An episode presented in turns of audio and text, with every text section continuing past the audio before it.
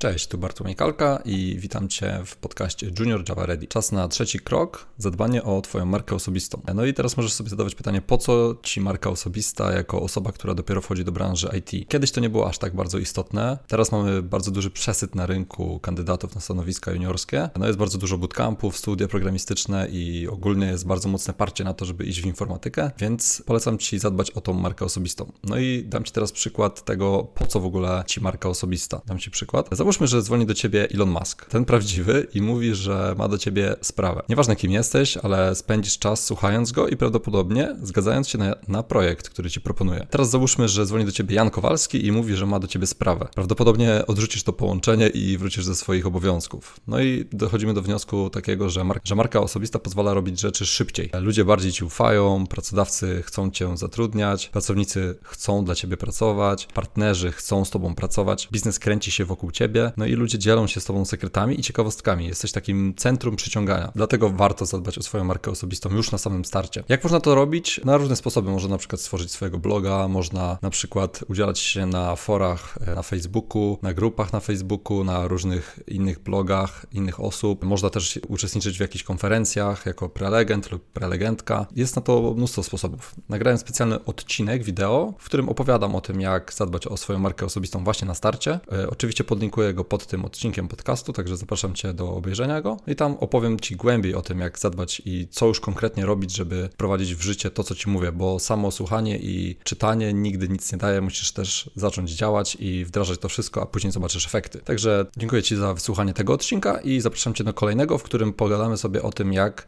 stworzyć efektywne CV. To jest kolejny krok z tych nas naszych siedmiu, także zapraszam Cię już teraz. Na razie.